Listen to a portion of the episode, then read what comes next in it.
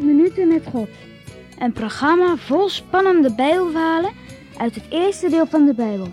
Het Oude Testament. Luister jullie mee?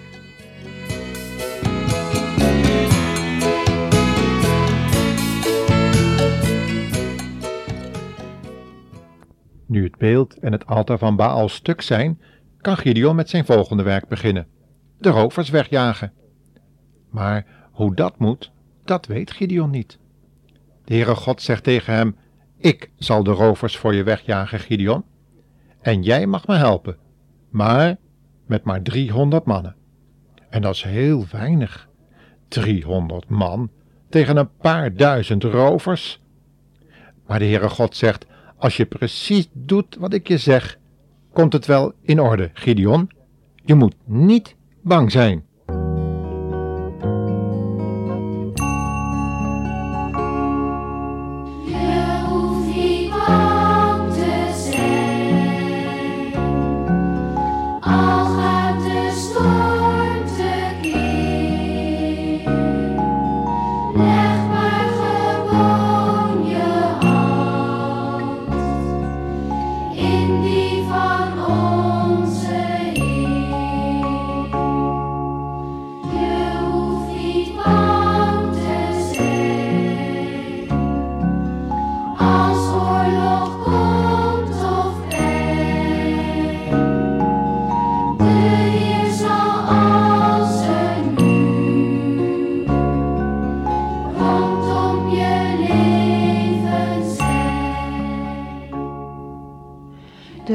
Hebben hun tenten neergezet op een groot stuk land. S'nachts slapen ze daar en overdag gaan ze overal spullen stelen bij de Israëlieten.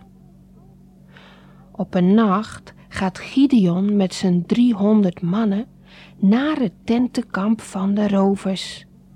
En ze gaan in een grote kring om het kamp heen staan. De rovers kunnen hun niet zien, want het is donker. Gaan Gideon en zijn mannen nou vechten met de rovers? Nou, dat wordt dan een rare manier van vechten, want ze hebben helemaal geen wapens bij zich. In de ene hand hebben ze een hoorn waarop ze kunnen blazen, en in de andere hand hebben ze een lege kruik. In die kruik zit een brandende fakkel. Je kunt de brandende fakkel niet zien, want hij zit verborgen in de kruik. Vreemd, hè? Maar de Heere God heeft gezegd dat het zo moet, dus het zal heus wel goed gaan. Midden in de nacht, als de rovers liggen te slapen, horen ze opeens een vreselijk lawaai. Driehonderd mannen blazen op hun horen. De rovers zijn meteen klaar wakker.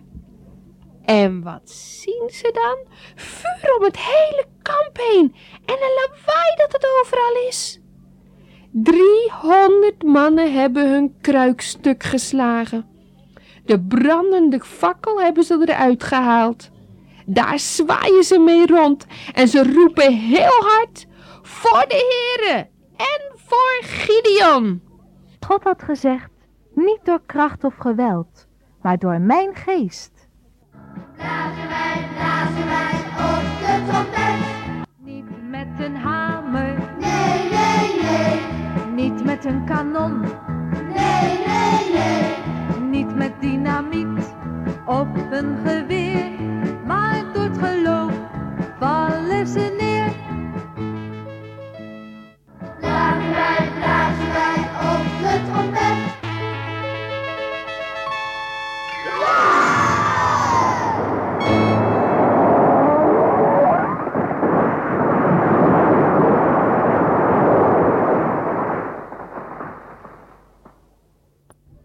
rovers schrokken zich naar. Wat gebeurde er allemaal? Het lijkt wel of er een heel groot leger soldaten op hen afkomt. En omdat het donker is, kunnen de rovers natuurlijk niets zien. Ze denken dat de mannen van Israël al in hun kamp zijn en ze beginnen te vechten. Maar ze vechten met elkaar. De ene rover vecht met de andere rover. Maar hij denkt dat hij met een Israëliet vecht. Dat is niet zo, want Gideon en zijn mannen staan nog steeds aan de rand van het kamp.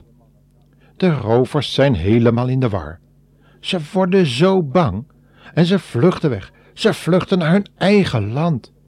Gideon en zijn mannen rennen weg erachteraan en ze jagen alle rovers weg.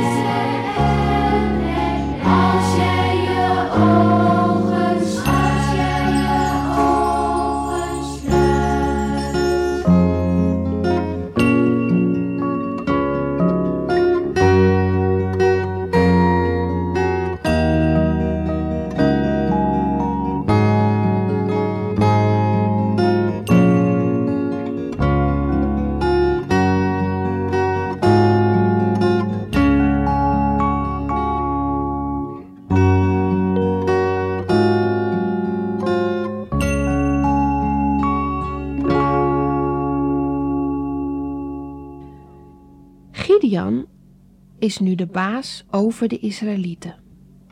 Gideon is richter over de Israëlieten.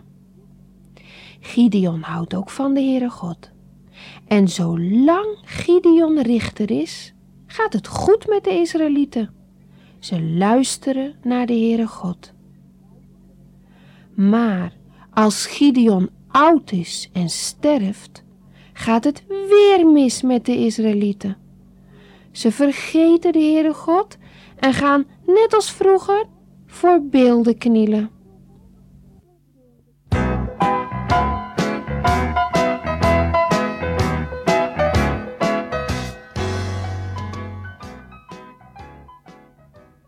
Tja, hoe zou dat nou toch komen, hè? Dat je elke keer maar weer leest in de Bijbel van mensen die eerst naar God luisteren en daarna diezelfde God weer vergeten. Maar kijken jullie nou eens, kinderen, naar je eigen leven. Zijn jullie altijd gehoorzaam aan je vader en moeder? Misschien in het begin, hè, als het je een beetje aanstaat. Maar gebeurt het in jullie leven ook niet altijd dat als je in het begin gehoorzaam bent geweest, dat je dan na een poosje toch weer een keer straf moet hebben van vader en moeder, omdat je weer eens ongehoorzaam bent geweest?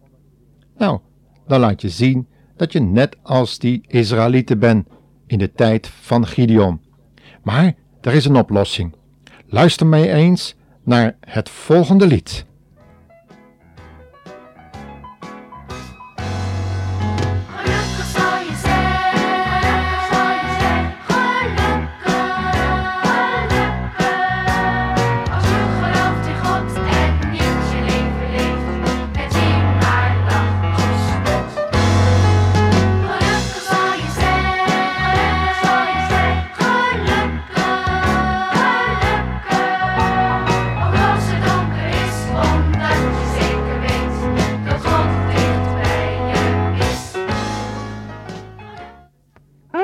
Uit deze programmaserie kun je nalezen in een speciale Bijbeluitgave die Het Boek genoemd wordt. Je kunt het kopen in elke boekhandel. Hajo hè? Boom die bloeit, die mooi